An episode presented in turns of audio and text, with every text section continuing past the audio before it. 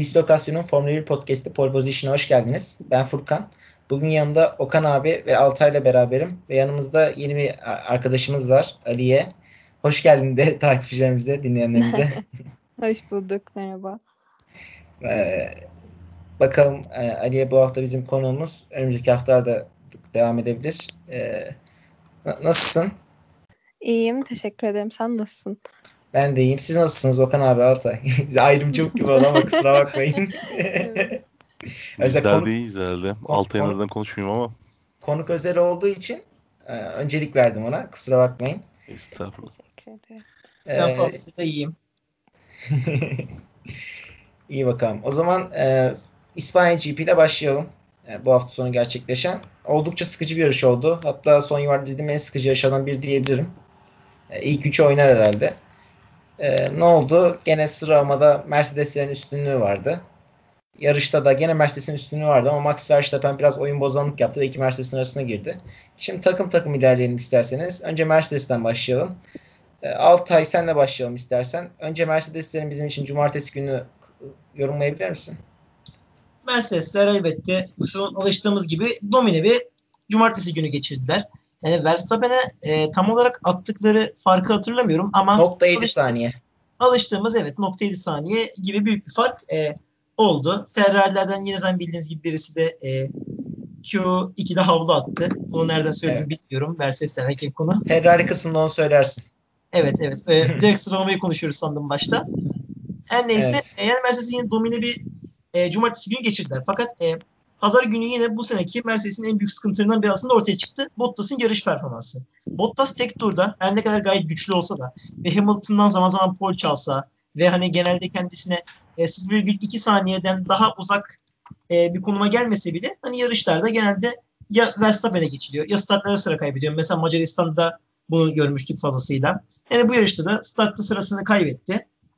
Hatta iki sıra kaybetti startta. Stroll'e de geçildi yani. Evet. Dörde düştü. Sezon sonrasında da ikinci sırayı geri alamadı. Ama Hamilton'ın yarışı rahat bir şekilde kazandığını söyleyebiliriz. Hatta e, zaten bildiğimiz gibi iki tane pit yapmasına rağmen tek pit yapan e, Vettel'e de tur bindirmeyi başardı. Yani en büyük aslında verebileceğimiz örnek bu. Tek pit Zaten yapan ilk tur üç, dördüncü dahil kalan tüm gereken hepsini artı bir tur bindirdi. O da bu sıkıcı yarış yani bu yarışı sıkıcı yapan benim gözümdeki en önemli ayrıntılardan biriydi. Yani dördüncünün bile e, bir tur fark yemesi artık seviyenin ne sevi yani Mercedes'in seviyeyi ne seviyeye çıktı, çektiğini bir kanıtı. Okan abi sana bir şey soracağım. Ee, sezon sene başında Bottas gene seneye iyi girmişti. Hatta kontratta kaptı seneye için. Ancak e, son birkaç yarıştır sıralamada da yarışta da Hamilton'a kıyasla oldukça kötü performans sergiliyor. Sence bunun nedeni ne? Benim sesim kusura bakmayın arada gidiyor. şey ben burada Bottas'ın tamamıyla takım emriyle bir hamle yaptığını düşünüyorum. Çünkü 1-2, 3-4 şeklinde düşündüğümüz zaman 3. gap'te Verstappen vardı. Verstappen'in önünü kapatmak isteyip daha sonra yani biliyoruz hepimiz geçtiğimiz podcastlerde de konuşmuştuk.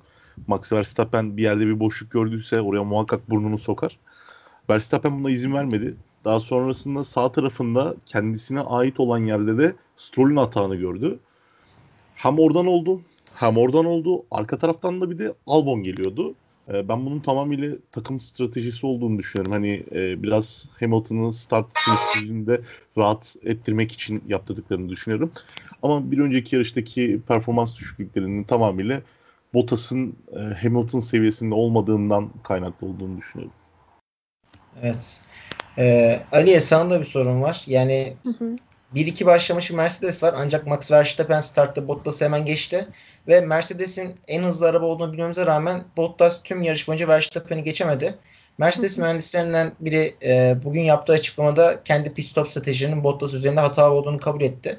Peki Hı. sence sadece hata olan şey pit stop stratejisi mi? Yoksa Bottas'ın da e, yeteneksizliğini de buna ekleyebilir miyiz? Ne dersin? Ee, şimdi şöyle bence de büyük strateji hatası vardı. Bottas'a erken pit almaları gerekiyordu. Ee, dönüp bakınca da Bottas'a tamamen kötü bir pilot diyemeyiz. Yani hani e, o konuda Bottas'a biraz daha yumuşak davranabiliyorum. Bence ortalama bir pilot. Ee, ama yarışta insan Verstappen ve hani dediğiniz gibi boşluk bulduğunda atak yapan bir pilot ya da agresif yarışan bir pilot. Yani kimseye eyvallahı yok yani bu adamın görüyoruz. Kesinlikle. O yüzden hani yarışması zor bir pilot. Ee, bilemiyorum yani Bottas'ın kalitesinden de tabii bu şekilde sonuçlanmış olabilir. Yani sezona çok iyi girince tabii beklentiler de yükselmişti Bottas'tan acaba Hı hı. e, bu sene bir yükseliş mi gerçekleştirecek şeklinde. Ama e, gittikçe o geçmiş Bottas'a yavaş yavaş geri dönüyor. Buradan Red Bull'a geçelim isterseniz. Bugün gün aslında bence günün yıldızlarından biri. Yani bana kalırsa ben günün sürücüsü için ona oy verdim şahsen. Max Verstappen. Çünkü arkasında Mercedes tuttu tüm yarış boyunca. Ve Mercedes'e geçilmedi bir Red Bull'la. Oysa sıralamaya baktığımızda aynı Mercedes'ten yaklaşık 0.7 saniye fark yedi. Yani tur başına baktığımız 0.7 saniye daha hızlı olan Mercedes'i tüm yarış boyunca bir şekilde arkası tutmayı başardı. En sonunda Bottas son iki tur en hızlı tur için pite girmek zorunda kaldı geçemeyeceğini anlayınca. Yani bu e, Max Verstappen'in iki yarışı ikinci bitirmesi Okan abi sence Red Bull'a mı yazar Max Verstappen'e mi yazar? Ben bunun net bir şekilde Max Verstappen'e e, ait olduğunu düşünüyorum. Çünkü geçtiğimiz haftalardaki hem stratejilerdeki sivriliği hem de e, pistteki sivriliğinden dolayı e, adeta Red Bull'un stratejistlerini çok rahatsız etti. Hatta e, hafta içerisinde her Marco yanlış hatırlamıyorsam ufak bir açıklama yaptı. Verstappen kendi fikirlerine değil stratejistlerimize güvensin şeklinde diye. E, bence hani bu aslan payını ben Verstappen'e veriyorum. Burada da zaten hani senin de en başta söylediğin gibi Verstappen'in arkasında bir Mercedes'i tutması çok büyük bir başarı. Önündeki Mercedes de ilk etapta hani çok az bir farklı arkasında olması da çok büyük bir başarı ama daha sonradan Hamilton hem arabasının hem kendi kalitesinin çok net bir şekilde e, tamamını kullanarak sıyrıldı geçti. Zaten en iyi e, tur zamanlarına baktığımız zaman yaklaşık 3 saniye falan e, geride olduğunu görürüz Max Verstappen. Evet. E, Altay sana şimdi Albon tarafını sorayım. Albon e, kötü bir yarış geçirdi Red Bull'un açısından ve e, 8. bitirebildi. Tek pitte Vettel'i bile geçemedi. Yani tek pitte Vettel'in lastiklerinin bittiğini düşünürsek Albon'un geçememesi bence e, Albon açısından kötü bir gün olduğuna işaret. E, Verstappen Albon arasında bu kadar fark olmasını sen hala neye bağlıyorsun? Çünkü Verstappen bir tarafta bir Mercedes ile kapışıyor. Albon ise diğer tarafta tek pitte lastikler bitmek üzere olan bir Vettel'i geçemiyor. Ee, ben burada aslında artık sıkıntının gerçekten Red Bull'a ait olduğunu düşünüyorum. Yani Albon'un kariyerinin başından beri takip etmemden ötürü bir sempatim var mı? Var. Evet. Ama bundan bağımsız olarak şunu söyleyebilirim ki Red Bull'un artık Albon'a yaptıkları saçmalık boyutuna vardı. Çünkü öncelikle 15. turda pit alıp sert lastikleri taktılar. Yani e, hani Vettel yumuşak lastiklere 37 tur gidebilmişken birçok pilot 30 tur gitmişken hani Albon'u sert lastiklere geçirip ki sert lastiklerden yavaş bir lastiktir e, biliyorsun. Hı hı. Hani ısınması da zordur. Hani e, bu lastiklerle trafiğin ortasına atıp Albon'dan iyi bir sonuç beklemek saçma. Hani Albon'u tam olarak e, denek olarak kullandılar. Verstappen Evet. lastik takabilir miyiz yerden sonra? Hani Albon zaten bütün yarışı trafikte geçirince hani lastikleri iyice zedelendi ve çok saçma bir yerde ikinci pite girmek zorunda kaldı. İkinci pitten sonra medium mu taktı, yeniden yumuşak mı taktı hatırlamıyorum. Medium tabii. Trafiğe takılı kaldı bir de bu. Ama trafiğe takıldı yani bütün Yani yarış ilk- trafiğe takıldı. Yani bu trafiğe takılma durumu kesin kesinlikle Red Bull'a yazar. Yani artık bu yarış e, Albon'un gerçekten yapabileceği bir şey yoktu. Çünkü adamı e, aslanların arasına, kurtlar sofrasına atıp hani adamdan maksimum bir sonra bekleyemezsin. Yani artık Red Bull'un e, ikinci pilotlar konusunda geçen sene Gaz diye e, olanları biliyoruz. Sonra Toro Rosso ile Gaz'ın ne kadar yükseldiğini de görüyoruz. Red Bull'un ikinci pilotlar konusunda e, bu şekilde davranmayı bırakması lazım. Çünkü ben hani bu haftaki performansı Albon'a bağlayamıyorum. Anladım. Zaten bu- haftaki geçişlerde de e, düzlüklerden ziyade yine viraj geçişlerini gördüm ben Albon'da alt sıralarda yükselmeye çalışırken. Asla içeriden geçiş yapmıyor. Alışık Evet, dışarıdan Çok geçmeye. ilginç bir şekilde dışarıdan dönüyor. Aliye peki e, sence Max Verstappen ile Albon'a Red Bull takımının farklı strateji uygulaması nedeni ne? Neden sence aynı stratejiyi uygulamıyorlar? Ya şimdi şöyle hani bunu bence Red Bull'lar da gayet açık bir şekilde kabul ediyorlar. Verstappen birinci pilot. Ee, beklenti tamamen Verstappen'de ve hani az önce de konuştuk. Mercedes'lere kafa tutabilen, Mercedes'lerle de pist üstü aradaki aracın hani saniye farkına rağmen yarışabilen sadece Verstappen. Bütün ilgi onun üstünde. O yüzden aynı davranmıyorlar. Albon konusunda da Altay'a katılıyorum bence de. Yani hani bu zamana kadar son son ya gördüğümüz yarışlarda hep Albon bir yükselişte hani Albon'un pitte bir hatası oldu. Albon işte bir şey oluyor. Başına bir şey geliyor mutlaka ve bu adam geriye düşüyor. Bu adam sürekli yükselişte ve puansız da geçmiyor yani hani benim Evet. hatırladığım son 2-3 yarış mutlaka puan alıyor. Bir şekilde yükselerek puan alıyor. Tamamen Doğru. kötü bir pilot olduğunu da düşünmüyorum ben Albon'un. Ama işte yani birisi şu an öz evlat gibi, birisi daha da böyle gözden çıkarılmaya müsait birisi gibi. Ama bu evet Red Bull'da hep var bence de. Bu böyle. Evet bu düzen yani bence de değişmez. Size katılıyorum bu noktada. Ee, onlar bence şey denediler. Albon'a hard lastik taktılar. Tek pit de bence bitirmeyi denediler. Ama e, hard memnun kalmadılar herhalde. Medium'a geçtiler. Üçüncü pit yaptılar. Belki pit yapmasa var. Arabanın temposu ne durumda doğru bilmiyorum ama e, mesela tek pitte yarışı bitiren ekipler oldu. Sebastian Vettel soft lastikle 39 kur- tur gitti mesela. Mesela e, Albon hard lastik yarışı bitiremez miydi? Benim aklıma direkt bu soru geldi. Demek ki Red Bull e, lastiklere bu hafta sonu o- geçtiğimiz haftaki kadar iyi bakamadı. Yani geçtiğimiz haftaki lastik koruma performansı muhtemelen lastik basıncının düşmesiyle ilgiliydi demek ki. Bu bize de bunu gösterdi bu hafta O sonu için. konuda sana katılıyorum. Hani e, tek pit stop bekledim dedin ya.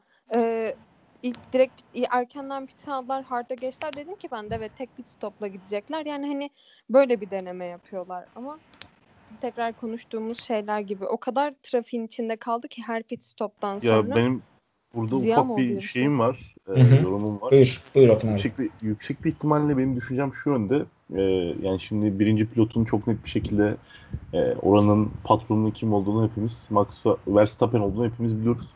E, burada da Albon'u yüksek bir ihtimalle denek olarak kullandılar. Çünkü ilk etapta e, geçtiğimiz haftaki e, Max Verstappen'in bu heyecanlı, komik, esprili yaklaşımını duymadık telsizden.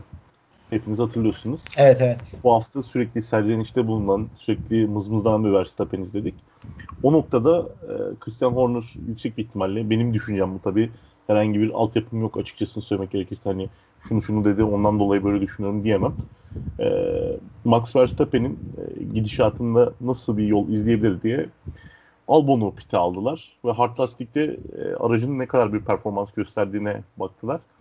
Ardından istedikleri performans seviyesinde olmadığına kanaat getirip Max Verstappen'i daha sonraya ötelediler. Aynen öyle. Max Verstappen ikinciliği e, Albon'un kaçıncı sırada ol- olduğu fark etmeksizin çok daha önemli onlar için. Bence.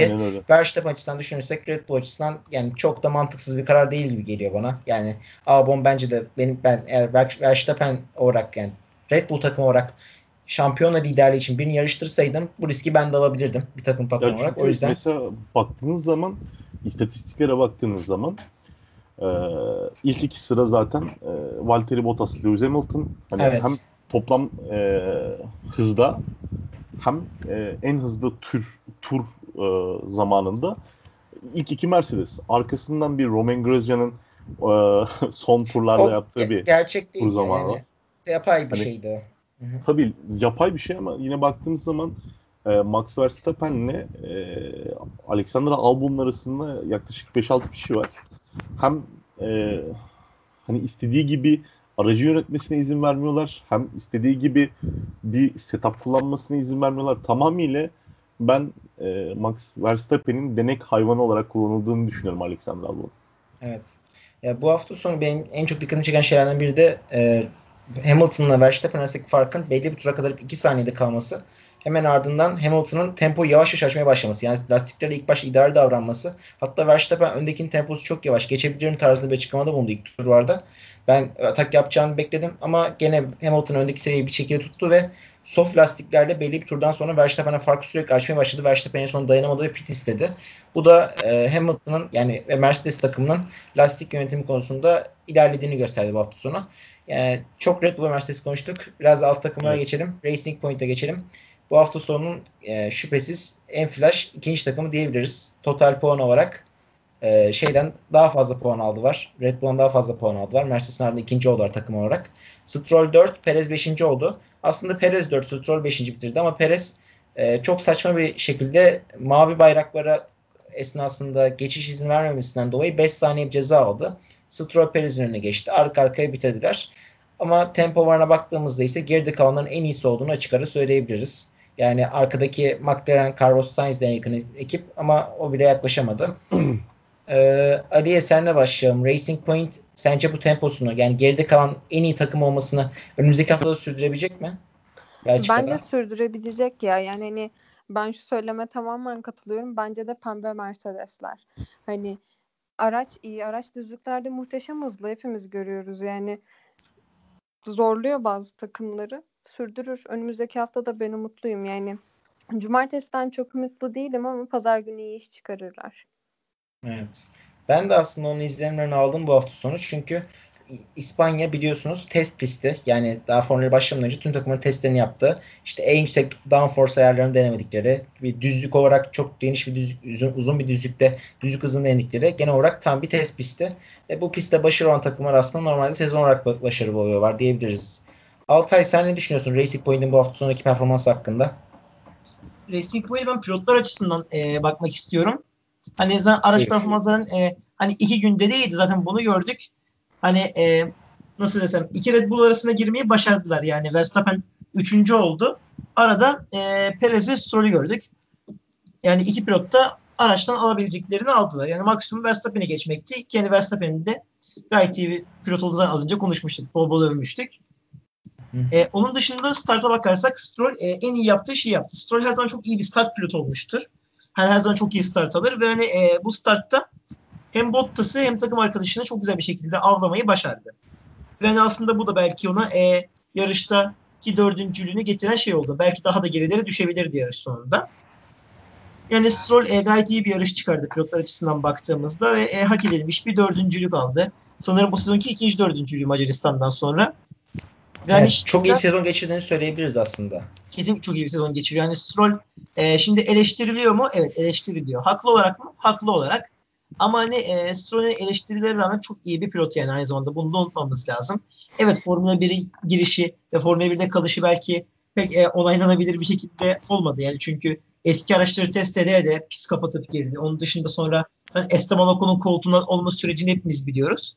Evet, Ama Stroll şu anda e, eleştirilere yanıt verir bir sezon çıkarıyor. Onun dışında Perez'in bu sezon gerçekten cezalar zayıf karnı oldu ya. Hani Avusturya'da da ilk yarışta bir çok saçma bir ceza almıştı. Bu işte böyle çok saçma bir ceza aldı. Yani Perez gereksiz agresif davranıyor bu sene belli yerlerde ya. Hani evet hızlı Onda... bir tuttuğunu gösteriyor. Zaten biz de bunu biliyoruz ama çok gereksiz ceza alıyor. Yani bu yarışta aldığı ceza hak etti mi hak etti. Çünkü düzlükte yavaşlayıp sonra bir anda gaza basmak saçma bir şey. Onu da Okan abiye soralım ceza konusunu. Perez'in. Nasıl yorum varsın bizim için? Ya zaten Sergio Perez sanırım e, griddeki agresif pilotlardan hani ilk 3'e kim diye saymak istesen en başta yazacağın e, isimlerden bir tanesi. Sanırım Kevin Magnussen, Sergio Perez'i yazarım herhalde iki numaraya da. Bir de Grosjean yazalım. Aynen bir de Grosjean yazalım. Yani. değil ya artık bir yerden sonra. ee, yani ben burada hem Racing Point'i hem McLaren'i değerlendirmek istiyorum. Çünkü olur. E, Oradan McLaren'e geçeriz. Güzel olur. Çünkü biz geçtiğimiz hafta konuşurken de zaten demiştik. Hani hem Racing Point için hem de McLaren için çok büyük bir fırsat bu İspanya Grand Prix'si.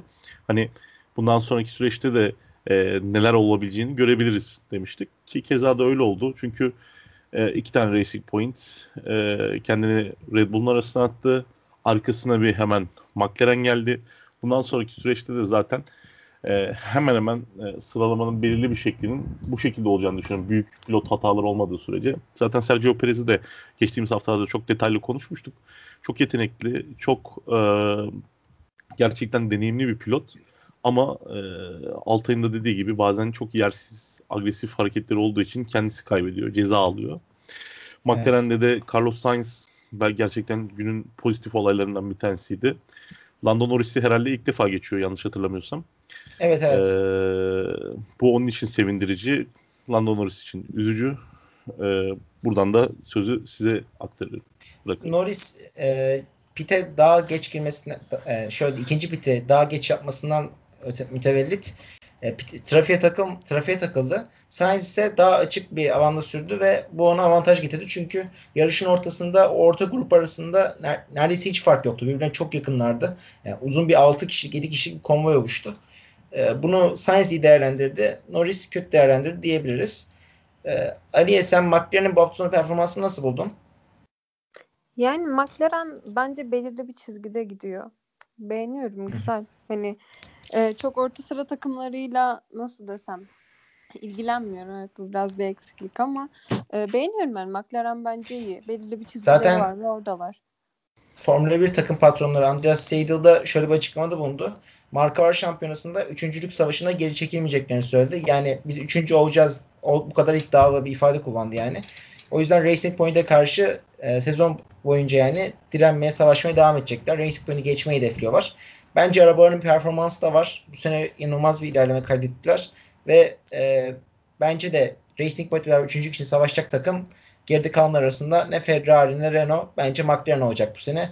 Bu yarışta e, biraz onun izlemini aldım diyebilirim ufaktan. E, Altay sen de bize McLaren'i kısaca bahset. Oradan da Ferrari'ye geçelim. Yani McLaren konuşulacak e, her şeyi konuştuk. Sainz bu sene ki muhtemelen en iyi yarışını geçirdi. Hani Norris'e net bir şekilde üstünlük kurabildiği ilk yarış oldu bu. Ve hani son turlarda e, tek pit yapan Vettel'i de gelip geçmeyi başardı. Hani Evet. güzel bir altıncılık kaldı. Yani McLaren çok güzel bir 8 puan getirdi. Onun dışında Norris aslında yarışı birazcık startta kaybetti biz. Çünkü Sainz yerini kururken hani e, Gasly 10. İki sıraya sıra geçti. kaybetti. Aynen aynen. Hani hem e, Leclerc'e geçildi. Ondan sonra Leclerc'e Gasly'ye geçince hani Leclerc'in yeri değişmedi. Ama Norris sonunculuğa geriledi. Ve hani e, bu da hani yarış içerisinde Gasly ile mücadele etmesine sebep oldu. Ve hani Gasly sonuç itibariyle geçemedi. Evet. Hani Renault'u Oradan- başardı. Ricardo'yu arkasını Oradan başardı. şeye geçelim abi. Sen Altay, sen Vettel'den devam et. Sainz'dan sonra 7. bitiren bir Vettel var tek pitte. Ferrari'ye geçelim buradan hızlıca. Vettel'in tek pitte yarışı 7. bitirmesi sence bir mucize midir? Çünkü arkasında bir Albon vardı. Bence e, tam mucize denemez ama hani Vettel için çok iyi bir iş çıkar diyebiliriz. Hani çünkü özellikle geçen hafta e, kendi kendine spin atıp dağılmasından sonra hani nasıl bu Evet. kadar iyi performans çıkardı ben e, anlayamıyorum. Gerçekten dünya Yani şampiyonu. soft lastikle 39 Olayı tur bu. attı ya. Benim orada mucize ifadesi kullanmam nedeni oydu. Soft lastikle 39 Tabii tur tabii. bitiren Ben de ondan. Vettel var. Ben zaten ona gelmiştim. Aslında bu Vettel için olağan bir durum. Çünkü Vettel'den önceden de hani böyle e, lastik konu performansları çok gördük. Mesela 2011 Monaco'da sanırım yine yumuşak lastiklerle çok uzun bir süre gitmişti. Yaklaşık 56 tur falan gitmişti. Onun dışında e, 2018 Bahreyn örneği var. Yine yaklaşık 36-35 tur yumuşak lastiklerle mi hatırlamıyorum gitmek zorunda kalmıştı. Evet Hani, çünkü e, işte kaza olmuştu. Ferrari- onu tam Anladım. anlamıyla rezil bir durumda bıraktı. Okan abi bir şey diyordu. Buyur Okan abi. Şey hem e, Altay'ın sözüne katılıyorum hani e, hem Bahreyn'de kaza olmuştu işte güvenlik aracı girmişti falan filan derken o arada çok e, sıra alabilmesi için uzun süre aynı e, lastikleri kullanması gerekmişti. Yani Sebastian Evet. Vettel'den gördüğümüz şeyler bunlar. Altay devam edebilirsin. Ekleyeceğim bir şey varsa. Ben devam ediyorum. Az önce bir durum oldu. Bir kapıyı açmak zorunda kaldım. E, Tamam tamam. Yani Vettel'i e, aslında aslında benim ondan görmeyi beklediğim tam olarak performansı sundu. Ama hani bu hafta asıl konuşulması gereken konu kesinlikle Ferrari. Hani nasıl böyle bir rezillik yaptılar aklım almıyor. Yani Vettel çünkü medium lastiklerle başlamışken ben de o lastiklerle normal belli bir tempoda gidiyorken çünkü hani bazen Kiat yaklaşıyordu. Yani Kiat yaklaştığında geçişi denedikten sonra Vettel e, gaza basıyordu. Yani öndeki isimler hani farkı belli bir seviyede tutuyordu. Yani ön- önde Leclerc vardı sanırım. Ve hani Vettel'in e, Leclerc'le aynı tur pite alınması Ferrari açısından tam bir rezalet gerçekten. Hani medium lastiklerle e, giden adamın hiç olmazsa 7-8 tur daha gidebilmesi lazımdı. Ve oradan Hı hı. sonra e, hani soft takıyorsan oradan sonra tak. Yani pardon, Aynen öyle. Pardon. Evet evet soft takmışlar medium'dan sonra. Soft, Bir de o da evet, soft yani. taklar. Hani Yani ikinci pitte nasıl bir strateji? bence ben, ben olsam Vettel mesela emekli olduğu zaman Ferrari strateji ekibinin başına Vettel'i getirebilirim. Yani bakalım o daha iyi yönetebilir bence Kesinlikle. Ben benim hani en çok beklediğim e, şey bu. Vettel ileride kesinlikle kesinlikle e, takım patronluğu yapabilecek bir insan. Tabii Ferrari'ye gelir mi bu kadar çok şeyden sonra bilmiyorum. Ama hani Ferrari ikinci pitte soft takılması pardon. Yani Ferrari tek yaptığı pitte soft takılması ve hani piti medium lastiklerle gidiyorken Leclerc'le aynı turda yapılması kesinlikle Ferrari büyük bir strateji rezaleti. Kesinlikle bir çuvallama yani. Ve hani Evet. Vettel bu durumu çok iyi idare etti. Ve hani Vettel'e pitten cevap verilmediğini de hani 51. turdaki radyo konuşmasından gördük. Diyorlar ki adama e, yarış sonuna kadar bu lastiklerle gidebilir misin? Vettel diyor ki ben sana size önceden bunu sormuştum. Yani artık adam öyle bir durumda kaldı ki kendi de bilmiyor nasıl bir durumda olduğunu. Hı hı. Ama Vettel'in bence tertemiz bir dördüncülüğü gitti yani bu yarış. E, Olsun. Bence 7. olarak pozitif bir günü kapattı diyebiliriz Vettel açısından. Kesinlikle kesinlikle. Hani Leclerc'in geçen haftaki dördüncülüğün kadar değerli bir dör- yedincilik aldığını söyleyebilirim. Hani geçen hafta evet, kendi motivasyonu için önemliydi Vettel'in yani. Yani günün sürücülüğünde sonuna kadar hak etti yani Vettel. Ben bunu düşünüyorum. Ben evet. sevin, sevinerek oyun verdim ve Vettelci olarak çok mutlu kapattım bu yarışı, bu sıkıcı yarışı. Leclerc'e ufaktan bir değineyim istiyorsan. Leclerc'e e, Ali'ye soracağım. E, çünkü evet. Vettel'i bayağı yorumladın sen. Ferrari kısmını çok... elbette elbette. Ama ne yapayım sevindim Vettel'in iyi yarışta. Evet evet. Uzun günden uzun e, haftalardan sonra güzel bir gün geçirdin sen de Vettel falan olarak. Evet. E, Leclerc'i soracağım sana Ali'ye. Leclerc aslında fena gitmeyen bir yarış çıkarıyordu. Yani Vettel'in de önündeydi hatta stratejiler sonunda Ferrari'nin. Ancak bir spin attı. Spin sırasında da aracı stop etti. Çok ilginç şekilde. Evet. Son sıraya kadar düştü. Ondan sonra da yarıştan çekildi. Ee, sen bize biraz anlatabilir misin Leclerc'in yarışını? Ya Leclerc'e geçmeden önce Altay Fetel konusunda bu yarış için katılıyorum. Ama hani bir dördüncülüğe gitti şeklinde yorumlamasına asla katılmıyorum. Ben bu yarış... Ben de ben de yorum, katılıyorum yani, hani sana. Ferrari Racing Point'i geçebileceğini düşünmüyorum açıkçası. Düşün yani o yarış geçemezdi bence. Ee, bence de geçemez. Şimdi Leclerc'e dönecek olursak Leclerc'i beğeniyorum. Leclerc bence iyi bir pilot. Güzel de bir yarış e, çıkarıyordu. Dediğin gibi yani hani motor durdu, spin attı birden hiç beklenmedik bir şekilde. Yani Ferrari aracı çok kötü.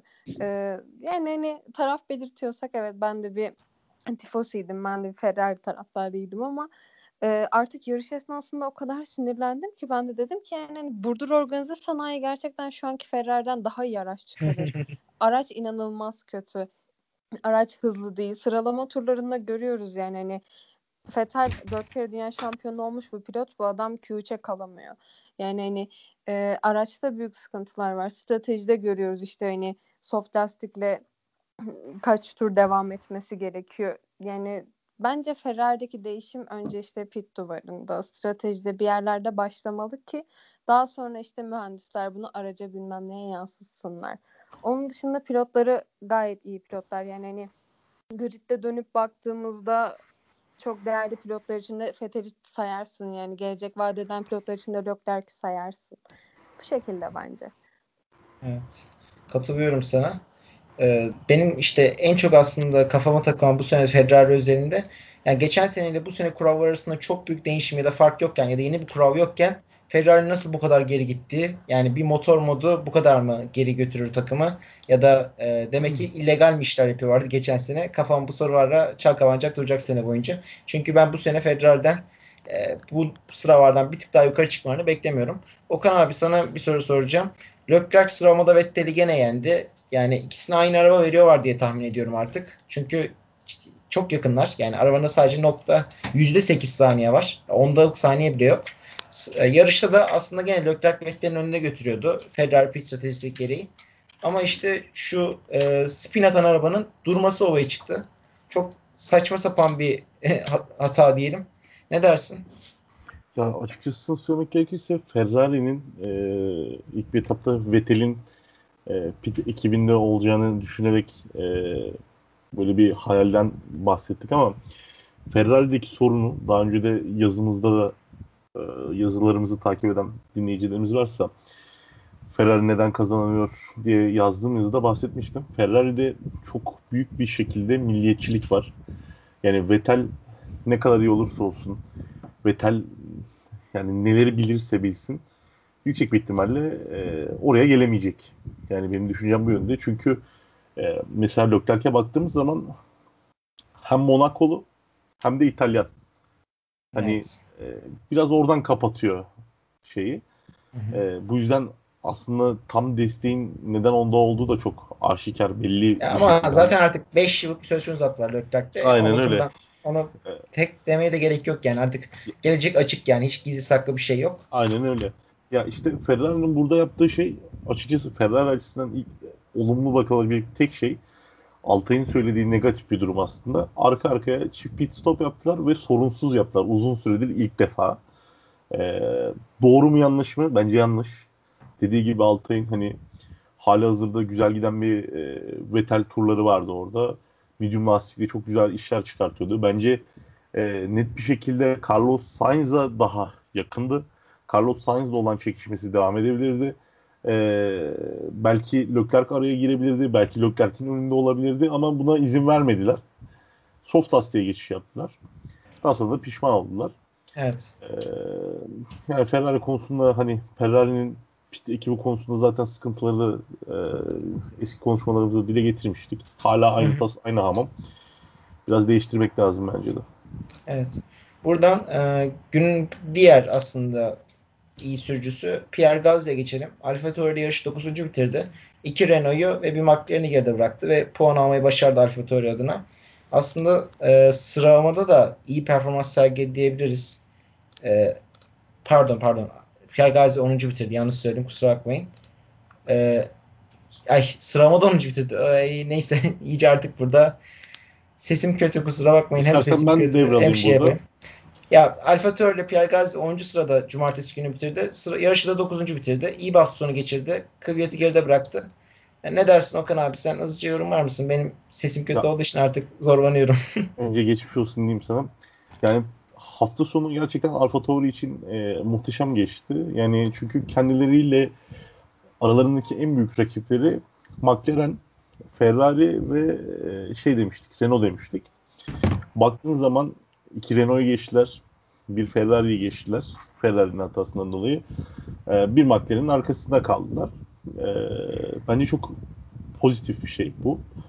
E, hani alt gruptaki kendini alt grupla aralarında çok büyük bir fark var. Üst grupla aralarındaki fark çok küçük. E, yüksek bir ihtimalle üst gruptaki e, sene sonunda mesela 3. 4. yarışında Alfa Tauri çoğuna büyük e, bir çelme takacak. Çünkü puanlar onlar için de çok kıymetli. Hı hı. E, bu hafta sonunda da Pierre Gasly yine e, bu seneki güzel sürüşlerinden birisini izletti bize. E, Kiat için e, yine söyleyecek bir şeyimiz yok. Kiat yine e, Gasly'nin arkasında kaldı. Hafta sonu aslında o da beklentilerinin üzerinde geçirmişti. Ama yine Gasly'nin arkasında kalarak takım arkadaşına yenildi. Puan Evet. alamadı. Ee, Alfa Tauri bence bu kadar yeter. Diğer arkadaşlar kusura bakmasın.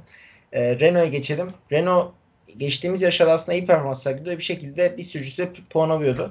Ancak bu yarış hiçbir yarış, sürücü yarış dışı kalmadı Leclerc hariç ve kötü bir yarış geçirdiler ve 11. ve 13. tamamladılar. Ee, onlar açısından çok kötü bir hafta sonu oldu ve aslında arabanın potansiyelinin de e, McLaren ve Racing Point'ten daha kötü olduğunun daha net bir şekilde anlaşıldığı bir hafta sonu oldu diyebilirim. E, pit tercihleri de aslında e, çok talihsizdi. Yani Ocon'la bir pit denediler, o tutmadı. E, Ricardo'ya da aynı şekilde bir pit denediler, o da tutmadı. Ama aynı taktiği deneyen Vettel 7. oldu. Yani hemen hemen benzer turlarda girmene rağmen Vettel'in temposuna yetişememeleri e, ve trafiğe takılmaları onlar için olumsuz bir gelişme oldu. Aliye sen ne dersin Renault'un bu hafta sonraki performansı hakkında? Evet Renault bu hafta rakiplerine kıyasla geride kaldı. Puansız kaldı. Yani tutmadı taktikler. Çok da yapılacak bir yorum yok yani. Hani, e, beklenen bir sonuç muydu? Belki Ricardo'da puan olabilirdi. Yani hani yarış öncesi belki Ricardo puan alır diyebilirdim ama e, çok da şaşırtmadı. Altay senin bir yorumun var mı? E, yani ben yine pilotlar açısından bakmak istersem e, aslında pilotlar stratejiyi sonuna kadar çalıştırmaya çalıştırdılar. Ama hani e, yani İspanya'nın ne kadar geçişe kapalı pist olduğunu biliyoruz. Ne kadar teknik pist olduğunu biliyoruz ve hani burada trafiğe kalmak ölüm gibidir. E, Albon'un erken pit aslında onlar için e, epey bir talihsizlik oldu diyebiliriz. Kesinlikle. Çünkü Albon'a resmen Ocon e, tura boyunca savunma yapmak zorunda kaldı. Ve hani e, Ricardo bir yerden sonra trafikte e, kalmasa bile hani o da tek bir, bir şekilde ona işlemedi ve o 11. bitirdi. Ben aslında burada Ocon'a, Ocon'dan küçük Ocon benim için e, bu sezonun en büyük hayal kırıklığı oldu şu ana kadar. Düzenli olarak Ricardo'nun gerisinde kalıyor. Hani e, istediğim agresif geçişleri yapamıyor ve hani yarışta da belli bir derecede zorlanıyor. Hani Magnussen'i geçti bu yarış onu hatırlıyorum. Ama hani Ocon'un dışında e, bu yarışta yine hayal kırıklığı oldu. Yine Ricardo'ya geçildi. Ocon'un acilen toparlanması lazım. Evet e, bir senedir yoktu. Çok uzun bir süre Formula 1'den uzak kaldı biliyoruz ama yine de e, Ocon'dan beklediğim şey bu değil yani. Ocon'un kendisine acil e, bir toparlaması lazım. Evet, yani Ocon seneye devam edecek. Ocon'u çok severim ben. Hani Ocon'un büyük fanıyımdır. Hı hı. Ocon seneye devam edecek keza. Yani seneye kadar artık bir şu Formula 1 geri dönüş sürecini tamamlaması lazım. O bir Ve senelik ara seneye e, Alonso gibi gerçekten Alonso, kurt yani takım arkadaşı yiyen bir takım arkadaşı olacak yani. evet işte Alonso'ya karşı e, yiyilen bir sürü çaylak pilot var. Van Dorn olsun. E, ondan öncesine baktığımızda Nelson Piquet olsun. Keza yani Alonso takım arkadaşlarının çoğunu yenen bir pilot. 2007 e, Hamilton hariç herhalde yarışta tüm takım arkadaşlarını yendi yanlış bilmiyorsam. E, ve genelde Evet. fark attı. İşte Raikkonen'dir, Massa'dır. O yüzden Ocon'un seneye şansını yani Renault'da koltuğunu sağlamlaştırmak istiyorsa seneye kadar en azından bir yükseliş bir çıkış sağlayıp e, daha fazla güven vermesi lazım. Katılıyorum. E, buradan o zaman e, bizim şu son 3 takıma geçelim. Biz bu son 3 takım beraber konuşuyoruz genelde. Hı hı. Alfa Romeo, Haas, Williams. E, şöyle yapalım. Siz üçünüz de birer takım paylaşın. Ne dersiniz? Alfa Romeo'yu kim ister? Ben alabilirim Alfa Romeo'yu çünkü tamam. Haas kim ister? Haas'ı ben alıyorum. Williams da Ali'ye kaldı. Williams da bana kalıyor. Evet. E, Alfa Romeo ile başlayalım. Çünkü onlar geride kalanların aslında en iyisi diyebilirim. 14. 16. bitirdiler. Yani birbirleri yarışıyorlar. Ne dersin Okan abi? Ya geçtiğimiz haftalarda zaten konuşmuştuk bunu yine. Ee, bu Evet. hafta hani sevindiğimiz tek şey Kimi Raikkonen'in e, aracından güzel bir verim alması ve bunu koruması. Çünkü hem e, Kevin Magnussen'le çekişti, Giovinazzi ile çekişti, Russell'la çekişti. E, yerini korudu, yerini geri aldı. Hani baktığım zaman Raikkonen için gerçekten güzel bir yarıştı. Geride Alfa kalanların Romeo- kazananı oldu. Evet geride kalanların kazan oldu. Alfa Romeo için de pozitif. Çünkü baktığımız zaman e, geçtiğimiz haftalarda son sıralara artık Williams'ın düştüğü yerlere kadar gelmişlerdi. Haas'ın gerisinde kalmışlardı. Bu açıdan baktığımız zaman Kimi Räikkönen, Magnussen, Giovinazzi geldi. Yani kaybedenlerin kazanan oldular diyebiliriz. E, buradan da hani Kimi Räikkönen'in ilk defa Anthony Giovinazzi'ye karşı aldığı galibiyetten dolayı mutluyuz. evet. Haas'a geçelim Altay. Ee, yani Haas için en olmuştu söyleyebileceğimiz şey aslında Magnussen'in performansıydı. Hani Magnussen kötü bir yarış geçirmedi. Elinden geleni yaptı. Ee, belli yerlerde savunma yaptı. Hani o konu bütün bir yarış boyunca savundu bile diyebiliriz sonunda geçilse bile. Yani geçileceği belliydi. Hani Magnussen e, yine umut verici performansları sergilemeye devam etti. Aslında Haas hani antrenmanlar da hızlı gözükmüştü yani. Hani ben yarışta hiç olmasa Q2 yapmalarını bekliyordum. Ama, Ama Doğu. Doğu depoyla yapıyorlar ya antrenmanları ve şey oluyor yani o hava koridoru, yukarı koridoru, DRS hepsi bir faktör. Yani mükemmel tur attı diyebilirim bence antrenmanda Grosjean. Ama onun dışında Grosjean yani bu yarışı sonuncu bitirdi. Yani Latifi'nin bile gerisinde Evet. bitirmiş. Son üç tur Latifi'ye geçirmiş.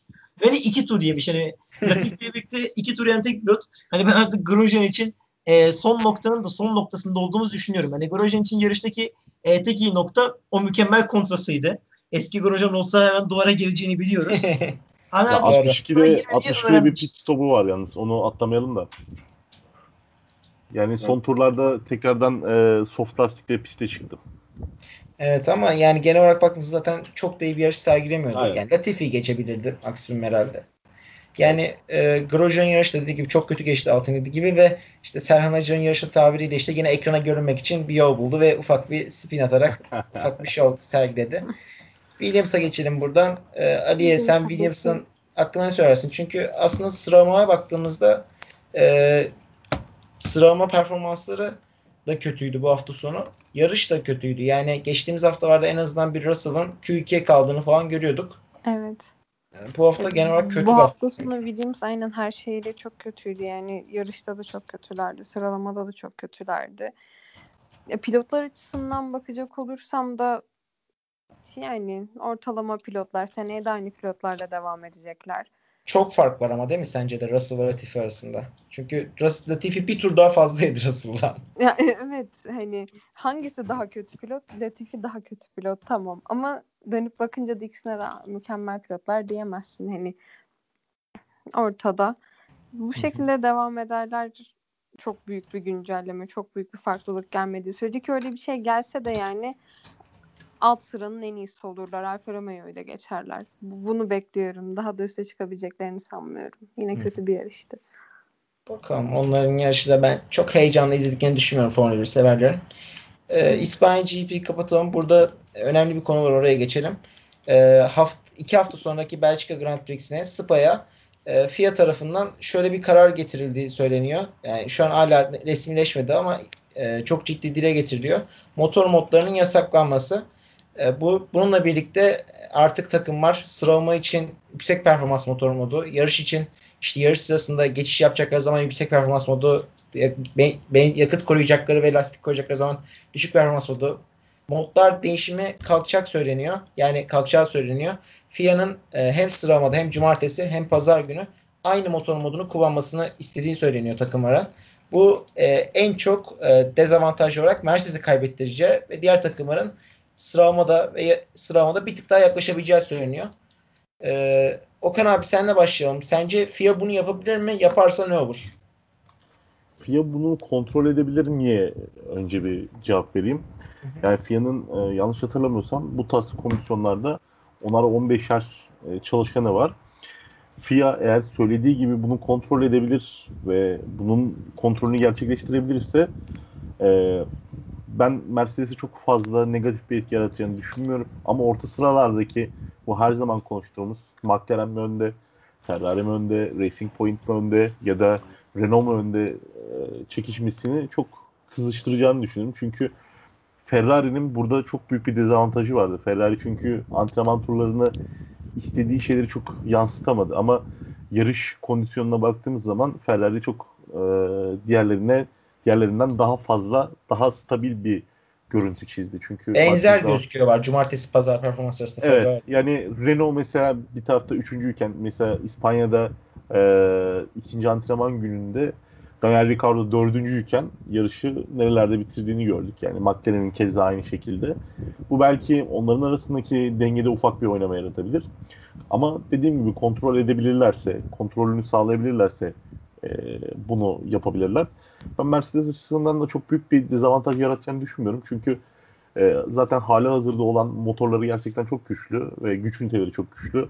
Hani onları çok fazla e, sıkıntıya sokacağını düşünmüyorum. Çünkü burada e, FIA'nın söylediği şey şu. 27.1 maddede pilotlar e, yalnız ve yardımsız yarışır şeklinde bir e, ibare evet. var. Burada da hani sizin herhangi bir şekilde yardım alamayacağınızdan bahsediyor. Hani bu da motor yardımı veya işte daha önceden bahsettiğimiz bu DAS sistemindeki yardım gibi. E, her iki sistemlere de baktığımız zaman e, Mercedes kaybeden gibi görünürken hiçbir zaman kaybetmedi. Yani diğer, ben orta sıraları etkileyeceğini düşünüyorum. Umarım e, çok büyük farklılıklar yaratarak aradaki uçurumun kapanmasına sebep olur ama zannetmiyorum yani.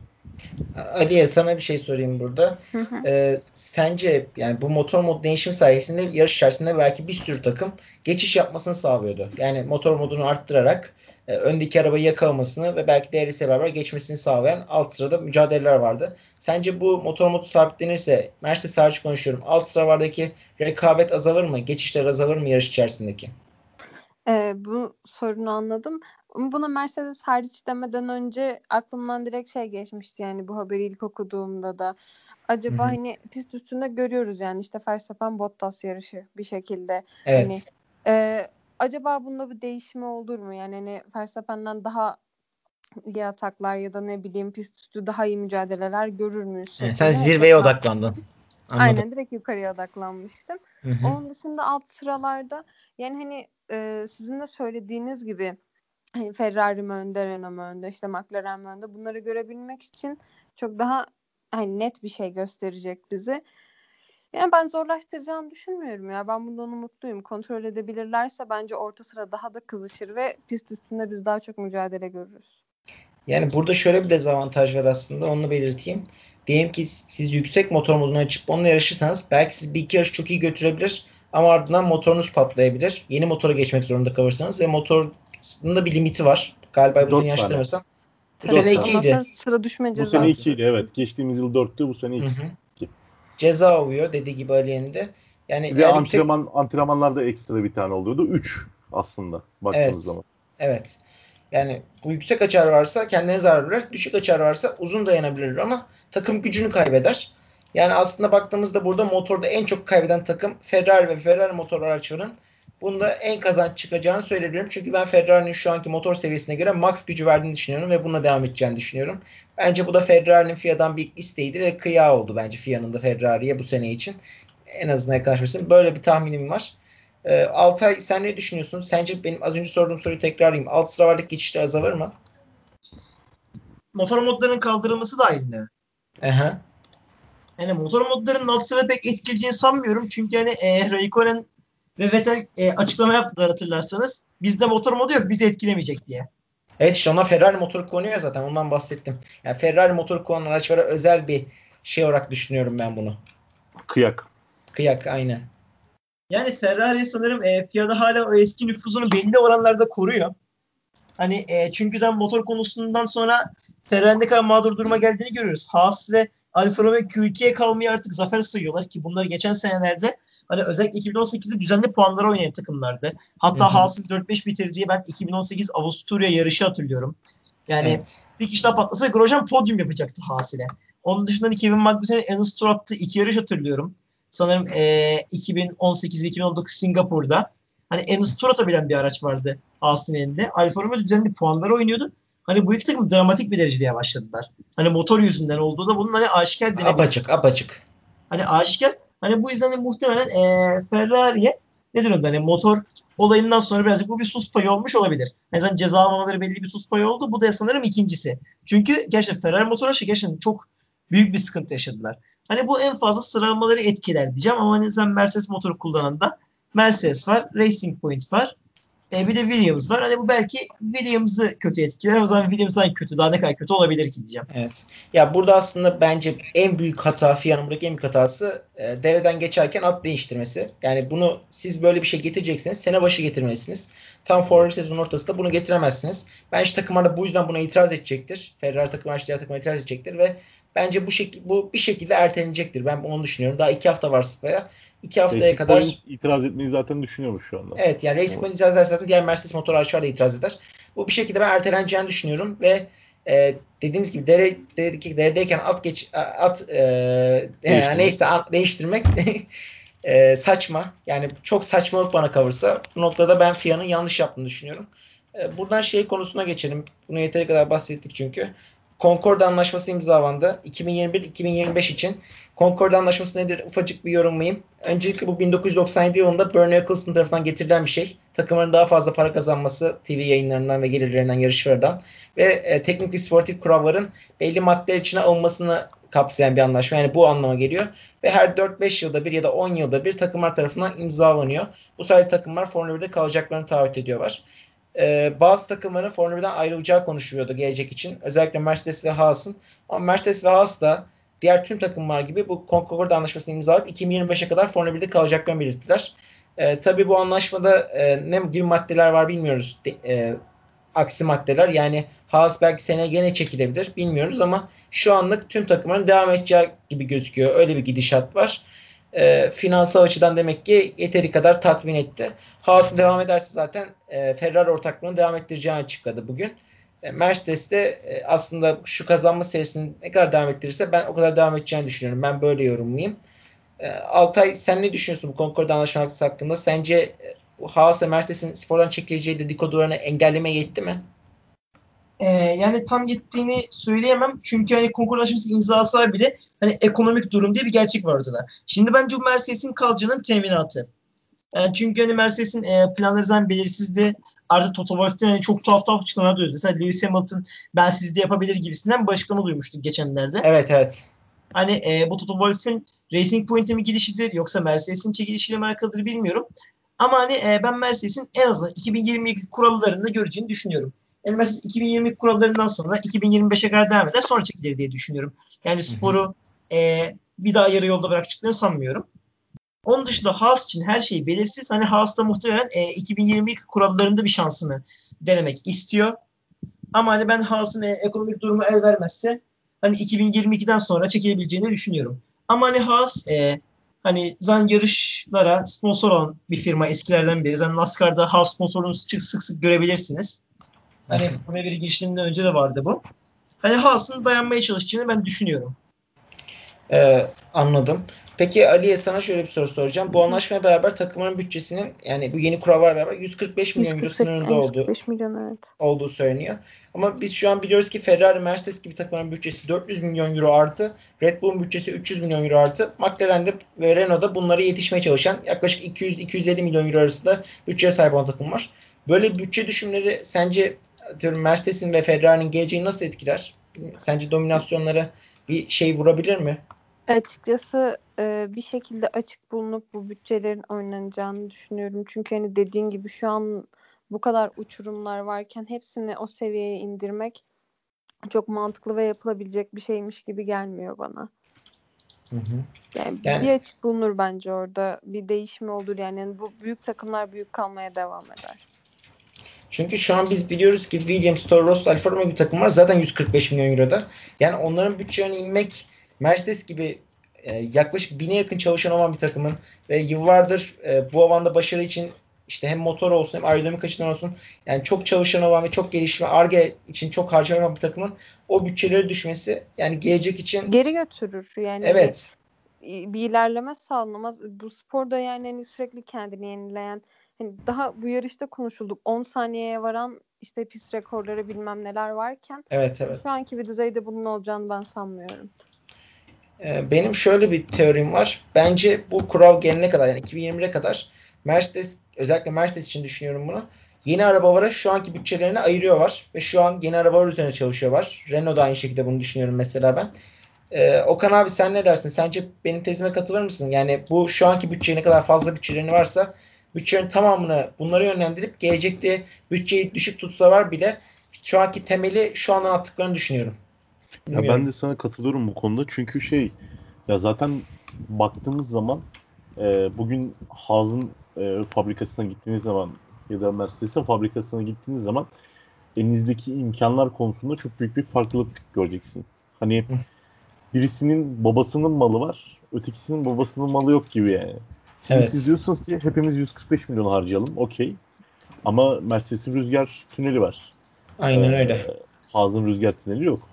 Şimdi Haas 145 milyonla arabayı mı geliştirecek? Rüzgar tüneli mi yapacak? Ee, yeni geliştirdiği parçadan bir tane daha yapıp bunu mu test edecek? Hani baktığımız zaman e, yine e, ben Ali'ye katılıyorum bu konuda. Ali'nin de söylediği gibi e, büyük olan hala avantajlarını kullanmaya devam edecek. Daha az bir şekilde. Ama küçük olan için hala böyle şey e, yağda un kavuracaklar yani. Biraz sıkıntı olacak onlar için. Ama ben e, Haas konusunda konuşmak konuşmak istiyorum bu konuda. Çünkü bu e, Concord anlaşmasından önce geçtiğimiz haftaki konuşmalarda da söylemiştim. Hani doların diğer e, döviz e, banknotlarına olan hareketinden dolayı şu an pozitif durumdalar. Gini Haas biraz e, bu konuda tutkusuyla hareket eden bir insan değil hiçbir zaman. Her zaman kar zarar kuran bir insan zaten. Çünkü baktığınız zaman sizin ilk girdiğiniz zaman Formula 1'e e, güzel bir sonuç almışsınız. Güzel bir sonucun ardından güzel bir devam getirmek istersiniz. Ama Gini Haas bunu yapmadı ve büyük bir atılım yapmadı. Hani kazandığı bir yere para yatırmadı. Böyle olduğu için de gün be gün Haas'ın düşüşünü gördük biz. Şu an yani benim düşüncem şu yönde. Haas e, bu anlaşmayı imza attığı için e, Gini şu anda parasını biriktirmeye başladı. Yüksek bir ihtimalle ilerleyen senelerde e, daha orta sıralarda olacak bir Haas izleyebileceğimizi düşünüyorum ben bu konuda. Anladım. Gelecek için yatırım yapacaklar yani. Yani ben gelecek için yatırım yaptıklarını. Çünkü zaten önlerinde şu anda 2020 senesinde yapabilecekleri hiçbir şey yok. Çünkü araca güncelleme getirmeyecekler. Ee, aracın performansında bir değişiklik yapmayacaklarını söylediler.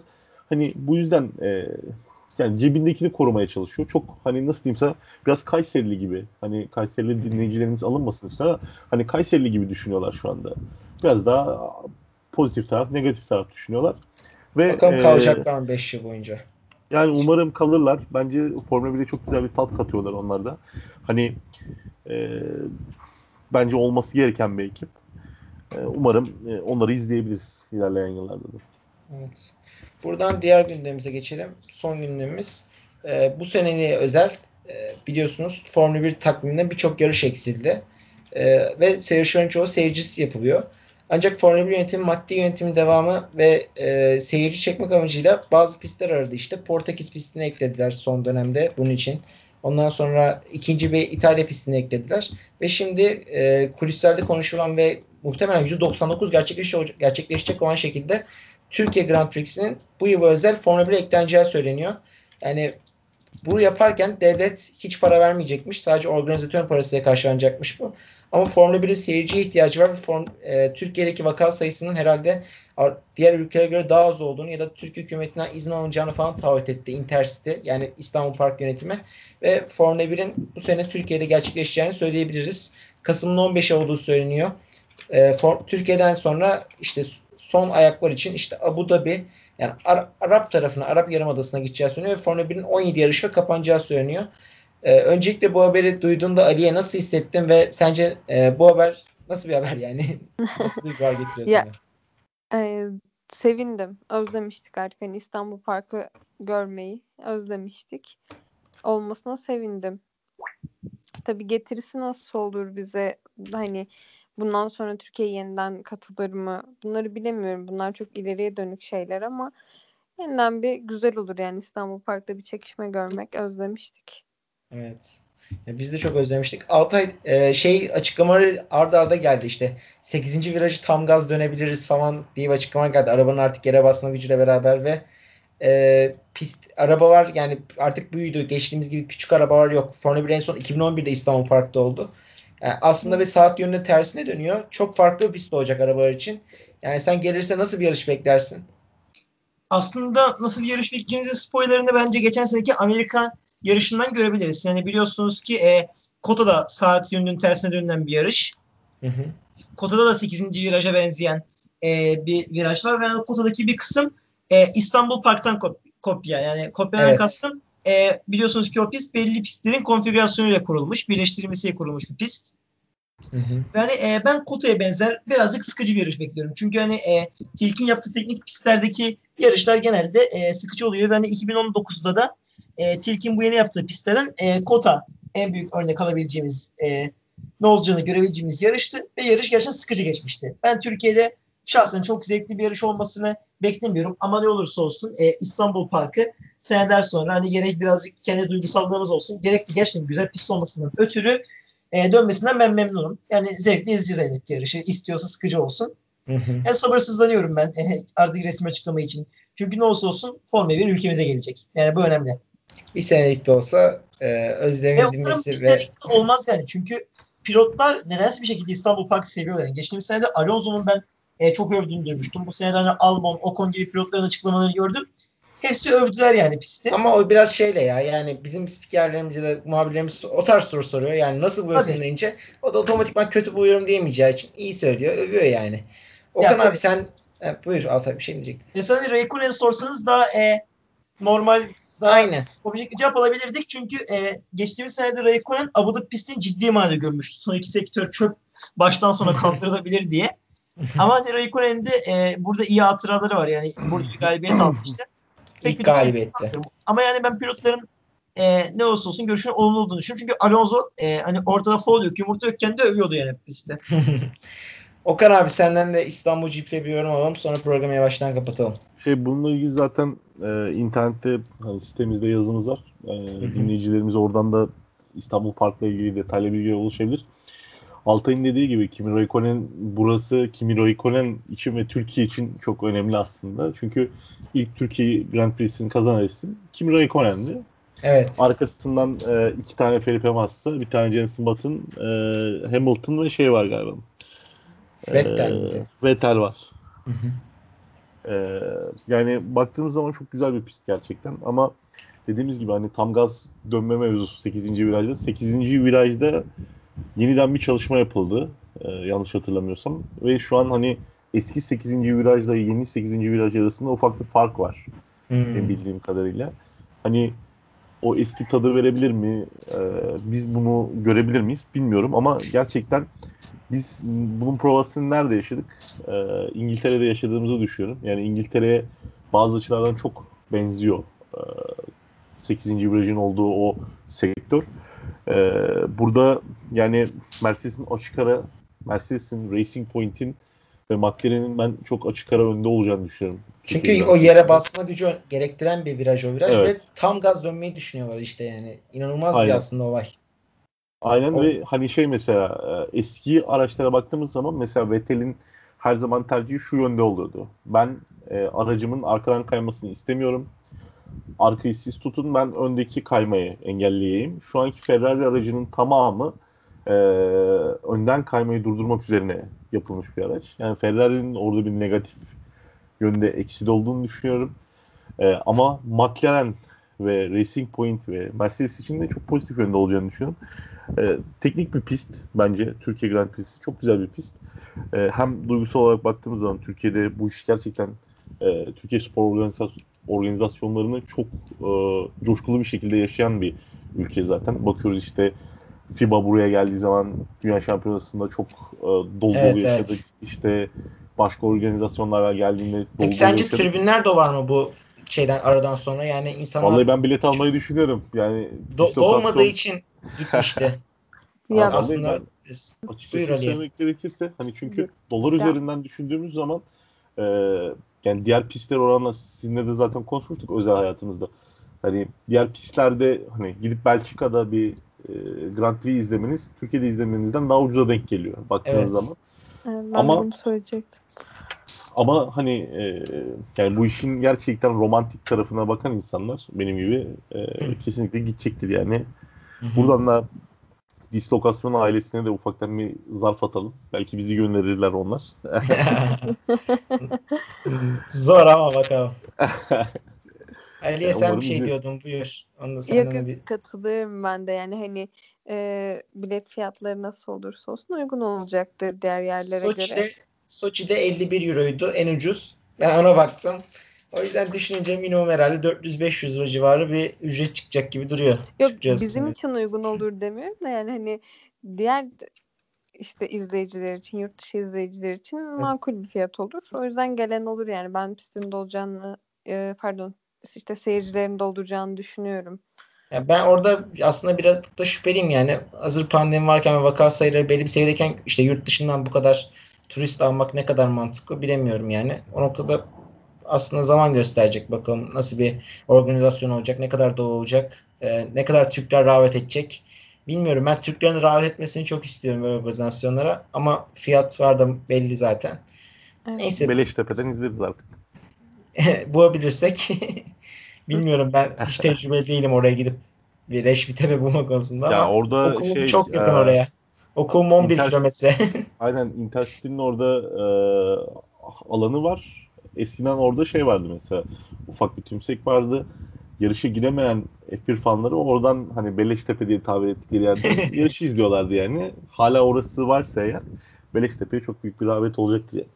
Bakalım. Ben de araştırayım onları. Dinleyeceğimiz araştırsın. Teşekkür ediyorum. Bugün çok güzel bir yayın oldu. E, detaylıca yarışı konuştuk. Concord Anlaşması'nı konuştuk. Motor modlarını konuştuk. İstanbul Grand Prix'sini konuştuk. E, ağzına sağlık. E, teşekkür ederim size. Teşekkür ederiz. Biz teşekkür ederiz. Teşekkürler. E, söylemek istediğiniz son bir şey yoksa programı kapatıyorum. Var mı? Bir sorayım. Kapatalım abi. Kapatalım sabah artık. dakika. Kendinize iyi bakın. Hoşçakalın. Hoşçakalın.